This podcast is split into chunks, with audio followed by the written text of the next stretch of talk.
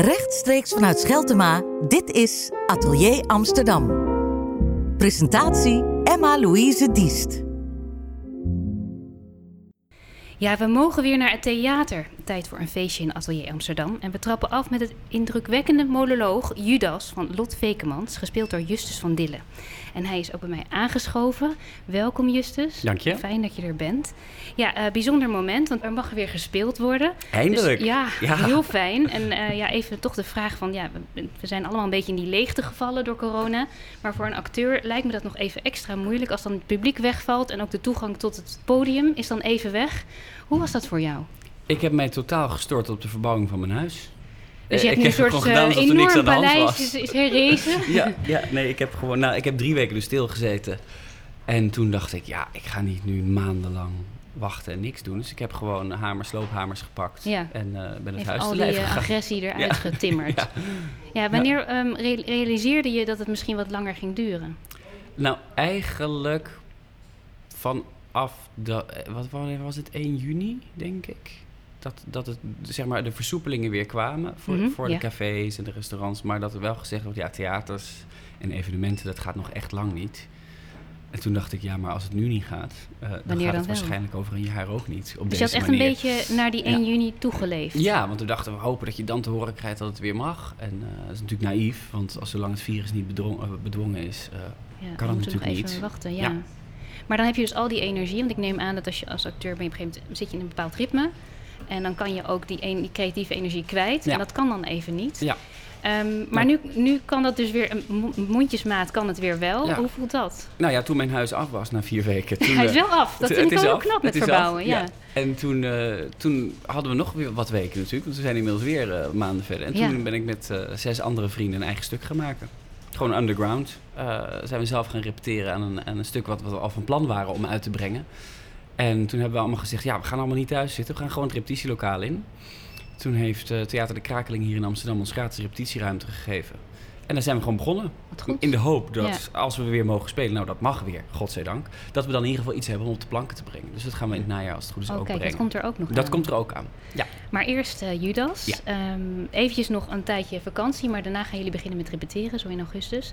Ja, het is een bijzonder beladen onderwerp, denk ik meteen, als we het over Judas hebben. Dan ga je al meteen aan allerlei filosofische onderwerpen denken. Kan je ons een beetje meenemen in het stuk? Wat, wat gaan we zien? We gaan natuurlijk jou Ja. zien, het is een monoloog, is maar een monoloog. vertel. Ja, ik sta er in mijn uppie. En eh, nou, je moet het zo zien, Judas komt na 2000 jaar terug op aarde. En die eh, probeert eigenlijk in één avond mensen uit te leggen of eh, voor zijn kamp te winnen. Om uit te leggen dat het anders zat dan dat het gegaan is volgens de Bijbel. Dus hij probeert eigenlijk het stigma wat op hem rust eraf te halen in, nou ja, wat is het, een uurtje tijd? Dus je moet ook echt de mensen ehm, overtuigen van je eigen gelijk. Ja, ja dat is Ja. wel de bedoeling. Tenminste, in ieder geval om ze te laten zien dat het niet zo zwart-wit is als dat het afgeschilderd is in de geschiedenis. Dus dan, daar klinkt er wel iets meer nuance. In plaats van te zeggen van ik ben, ik ben de waarheid. Of, Ja, ja, nee, zeker. Hij vertelt zijn kant van het verhaal. En eh, hij zegt niet dat de andere kant niet waar is. Maar hij probeert eh, te laten zien in dat uur dat er aan eh, verhalen altijd meerdere kanten zitten natuurlijk. En dat het heel moeilijk is om na 2000 jaar eh, vooroordelen af te komen van dat stigma.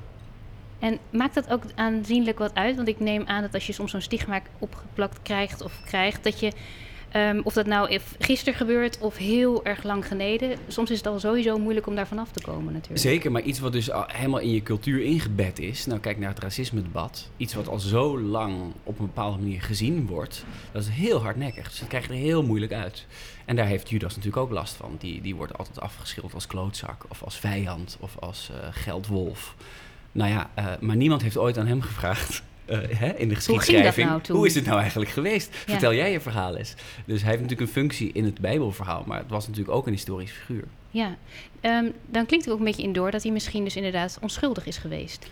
Denk Eh, je nee. dat zelf ook? Nee, ik denk dat hij... een- Nou ja, dat, dan moet je de voorstelling komen Ja, kijken. tuurlijk, ja, maar eh, tuurlijk, maar ja. eh, Lot Vekemans, de schrijver van het stuk... die probeert altijd achter de beweegredenen en de psyche van, van onbelichte figuren te komen... of outcasts of buitenstaanders, zo je wilt. En die duikt daar helemaal in. En die is natuurlijk ook zich gaan verdiepen in die Bijbel en dat verhaal. En hoe komt het nou dat Judas zo is afgeschilderd? En die kwam op een gegeven moment natuurlijk ook teksten tegen... en visies en verhalen... dat het misschien dat hij misschien wel een inschattingsfout heeft gemaakt, maar dat hij eigenlijk Jezus probeerde te redden.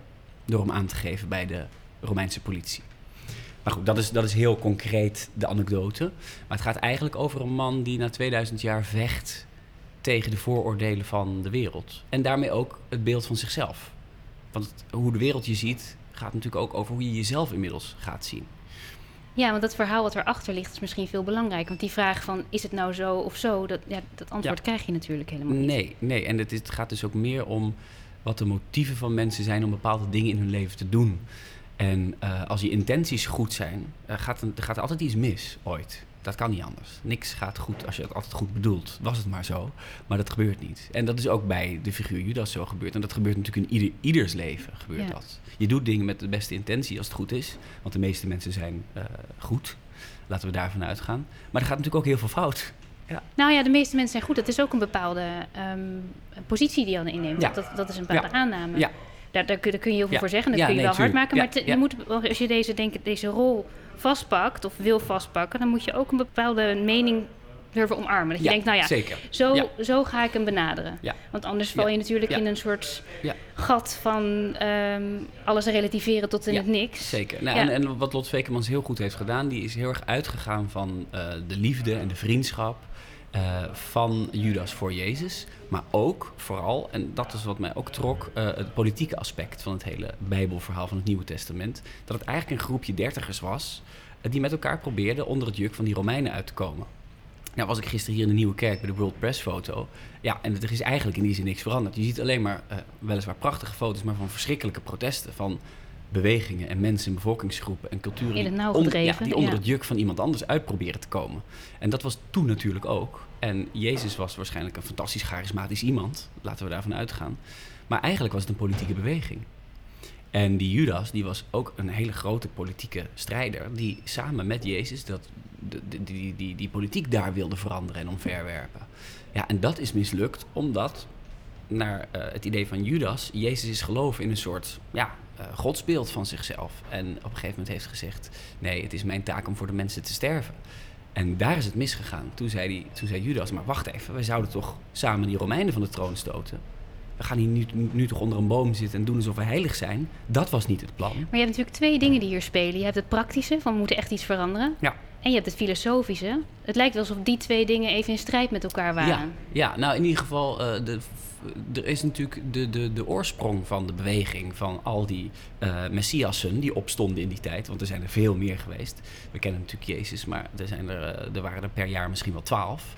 Die zeiden, ik ben de zoon van God en we gaan het anders doen. En, en, en die beweging is wat geworden, maar die beweging is misgegaan volgens Judas. Omdat er te veel geloofd werd in het filosofische aspect. Ja, ervan. toch inderdaad. Ja. En Denk je dat dat ook samen kan gaan? Want je hebt natuurlijk aan de ene kant inderdaad dat we zeggen... nou, we moeten innerlijk iets veranderen in de manier waarop we kijken. Dan hoeven we niet zozeer iets te veranderen in de maatschappij. Kan dat ook samen? Dat je dus inderdaad dat tegelijkertijd eh, bewerkstelligt? Of denk je dat er eerst iets praktisch moet veranderen of eerst iets filosofisch?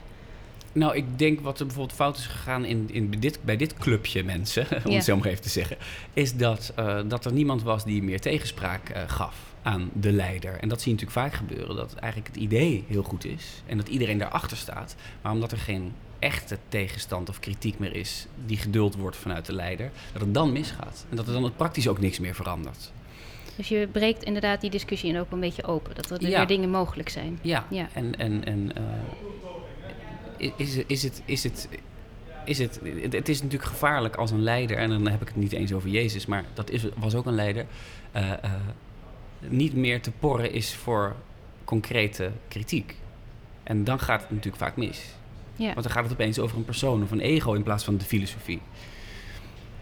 Ja, dat is wel interessant. En als je daar ehm, dan staat als Judas, ehm, laat je dan ook ehm, wat van jezelf zien als Judas? Zeg maar dat je ook misschien jezelf bevraagt van, ja, ik, ik kijk nu zo naar die situatie, maar wellicht ligt het ook anders. Ja, ja dat is, het mooie is natuurlijk van het feit dat iemand 2000 jaar na 2000 jaar herreist, dat hij een plan heeft. En die Ja. man heeft ook een plan en die kijkt het publiek aan en die spreekt het publiek aan en zegt, nou, jullie weten allemaal waarvoor ik hier ben. Eh, ik kom mijn kant van het verhaal vertellen en zeggen dat het allemaal niet zo erg is eh, als jullie denken. Of dat ik niet zo'n klootzak ben als jullie denken.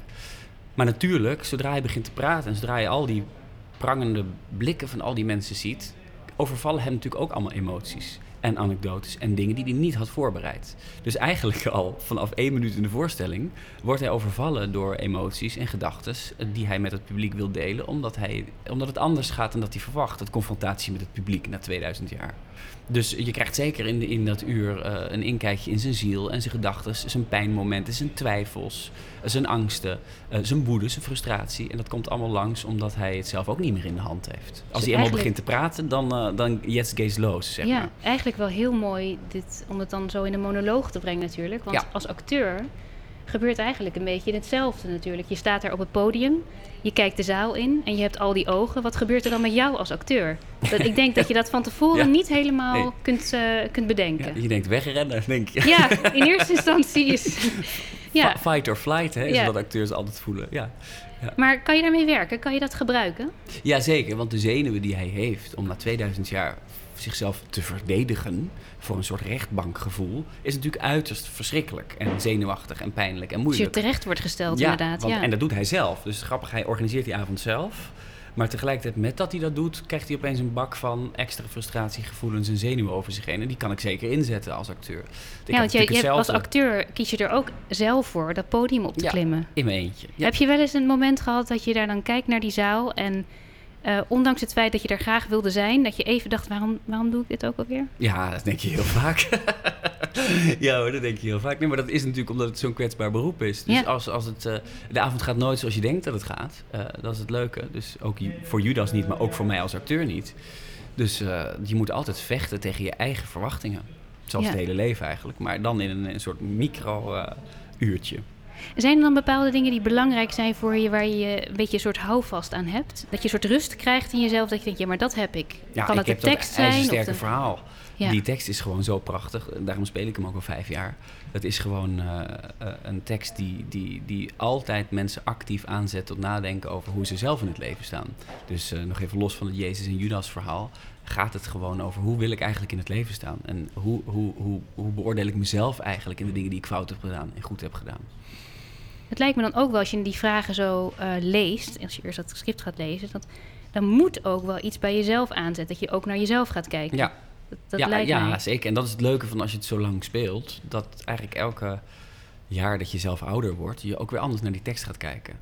Ik weet dat ik het vijf jaar geleden, toen ik het voor het eerst speelde, eh, vooral op eh, een soort actieve, activistische frustratie speelde. Van begrijp mij waarom ik het 2000 jaar geleden zo en zo heb gedaan. Terwijl ik het nu, eh, nou ja, wat is het, een half jaar geleden, eh, opeens dacht, ja, maar volgens mij is het gewoon veel meer een interne monoloog. eh, gedeeld met het publiek, maar dat hij zichzelf durft te bevragen. En dat hij de twijfel echt toelaat. In plaats van de woede dat mensen hem niet begrijpen. En hopelijk door die twijfel toe te laten, mensen te overtuigen van het feit dat hij zelf ook maar een mens is. Die het beste heeft En dat mensen misschien ook wel herkennen die, die interne discussie die je Ja. soms kan, kan Ja. hebben. Ja. Ja. Als je dus dingen van jezelf meeneemt, je hebt nu, we hebben allemaal iets meegemaakt, dus dat ga je meenemen. Dat Ja. kan niet anders. Ja. Helemaal als je wordt tegengehouden om je te kunnen uiten, want dat, wat, dat is wat er gebeurt. Ja, ja. Heb je al enige idee hoe dat een vorm gaat krijgen in, de, in dit stuk? Nee. nee, dat is natuurlijk zo leuk aan toneel. Dat je, je kent de, de, de inhoud, je kent het stuk. En ik heb natuurlijk al zo vaak gespeeld dat het elke keer in elke vorm weer anders is. We staan nu straks in de Groene Kathedraal in Almere. Een prachtig landschapskunstwerk waar wij vijf jaar geleden begonnen zijn. Ja. Het is ook wel Eh, weer heel erg leuk dat je dan weer teruggaat Ja. naar echt het prille begin. Ja, Ja. en dat, dan sta je dus ja, in weer en wind. Eh, in plaats van in een beschut theater sta je eh, in, een, in een prachtige kathedraal van bomen. Maar daadwerkelijke grootte van de kathedraal van Rijms. Dus het zijn enorme... Volgens mij zijn het iepen, ik weet het eigenlijk niet precies. Maar het zijn enorme bomen van 20 meter hoog. Dus je bent een heel klein nietig figuurtje die daar eh, in een soort lege kerk, een lege kathedraal... eh, staat te roepen om iets wat misschien al lang dood is. Ja. Maar het geeft ook een hele hoop En, eh, grandeur een beetje aan je performance, denk ik. Ja, ook. Het is, het, is, het is buitenspelen is sowieso op locatie, en zeker die locatie, eh, klopt zo goed bij de inhoud van het stuk. Dat is, dat is ontzettend leuk. En dan kom je echt als een soort volwassen Judas weer terug eigenlijk. Ja, dat, dat, eh, hoop je. En ja. als we het over tien jaar spelen, dan weer anders, weet je. Ik bedoel, dat is het leuke aan toneel natuurlijk. Omdat je zelf verandert, eh, verandert ook de manier waarop je het speelt. Of waarop je erover nadenkt. Ja, en die eh, tekst geeft je, zoals je net al zei, geeft je een hele, hele hoop vrijheid. Je kunt daar heel erg goed in bewegen. Heb je enig idee waar die kwaliteit ligt? Dat is heel moeilijk natuurlijk om daar zoiets te noemen. Maar zijn er bepaalde dingen die, zij, die, in die, die jij vindt in die tekst, daar je echt als acteur heel veel mee kan. Ja, dat, dat is eigenlijk bij alle stukken van haar zo. Lot Vekemans is een van de meest gespeelde schrijvers ter wereld van Nederland. Uh, dus zij wordt in Duitsland gespeeld, in Amerika, in uh, Zuid-Amerika, in uh, dus is ook heel goed te vertalen. Dat zegt ook ja, wat natuurlijk. Ja, Ze schrijft ook eigenlijk heel hedendaagse, normaal gesproken taal. maar gek genoeg, doordat ze zo duikt in de personages die ze schrijft... of ze nou man zijn of vrouw of arm of rijk of zwart of wit... Ze, ze duikt zo in de vezels van die mensen en kan zich zo goed... ze heeft zo'n goed empathisch vermogen... En ze weet dat ook filosofisch te vertalen. Uh, dus ze heeft een soort combinatie van hele concrete aardse menselijkheid. Mensen hun driften en gevoelens en emoties.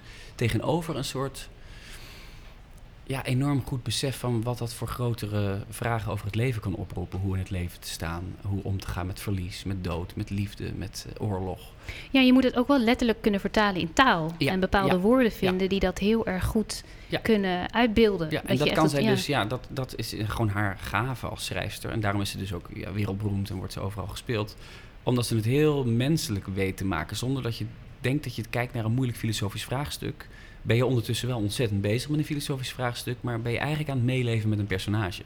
En die combi, dat maakt ook dat je als acteur word je meegevoerd door die tekst. Ja, maar ook de combinatie met jou in de tekst. Je bedraagt iets bij waardoor het ook echt gaat ja. leven. Ja, natuurlijk dus weer anders heel wordt dan, dan die acteur ja. die dat nu in Duitsland speelt. Dat is natuurlijk weer heel anders. Die heb ik ook gezien in München. Uh, die heb je wel gezien. Het lijkt me ook best spannend om de, om de andere Judas uh, te ontmoeten. Ja, nou ja, kijk, wat fijn is aan het toneel is natuurlijk... dat is uh, zo'n ander decor, zo'n andere regie. Dat het, en het is een fantastische acteur die dat doet. Dus dat, is, dat staat buiten kijf. Maar dus je kan dat helemaal niet vergelijken.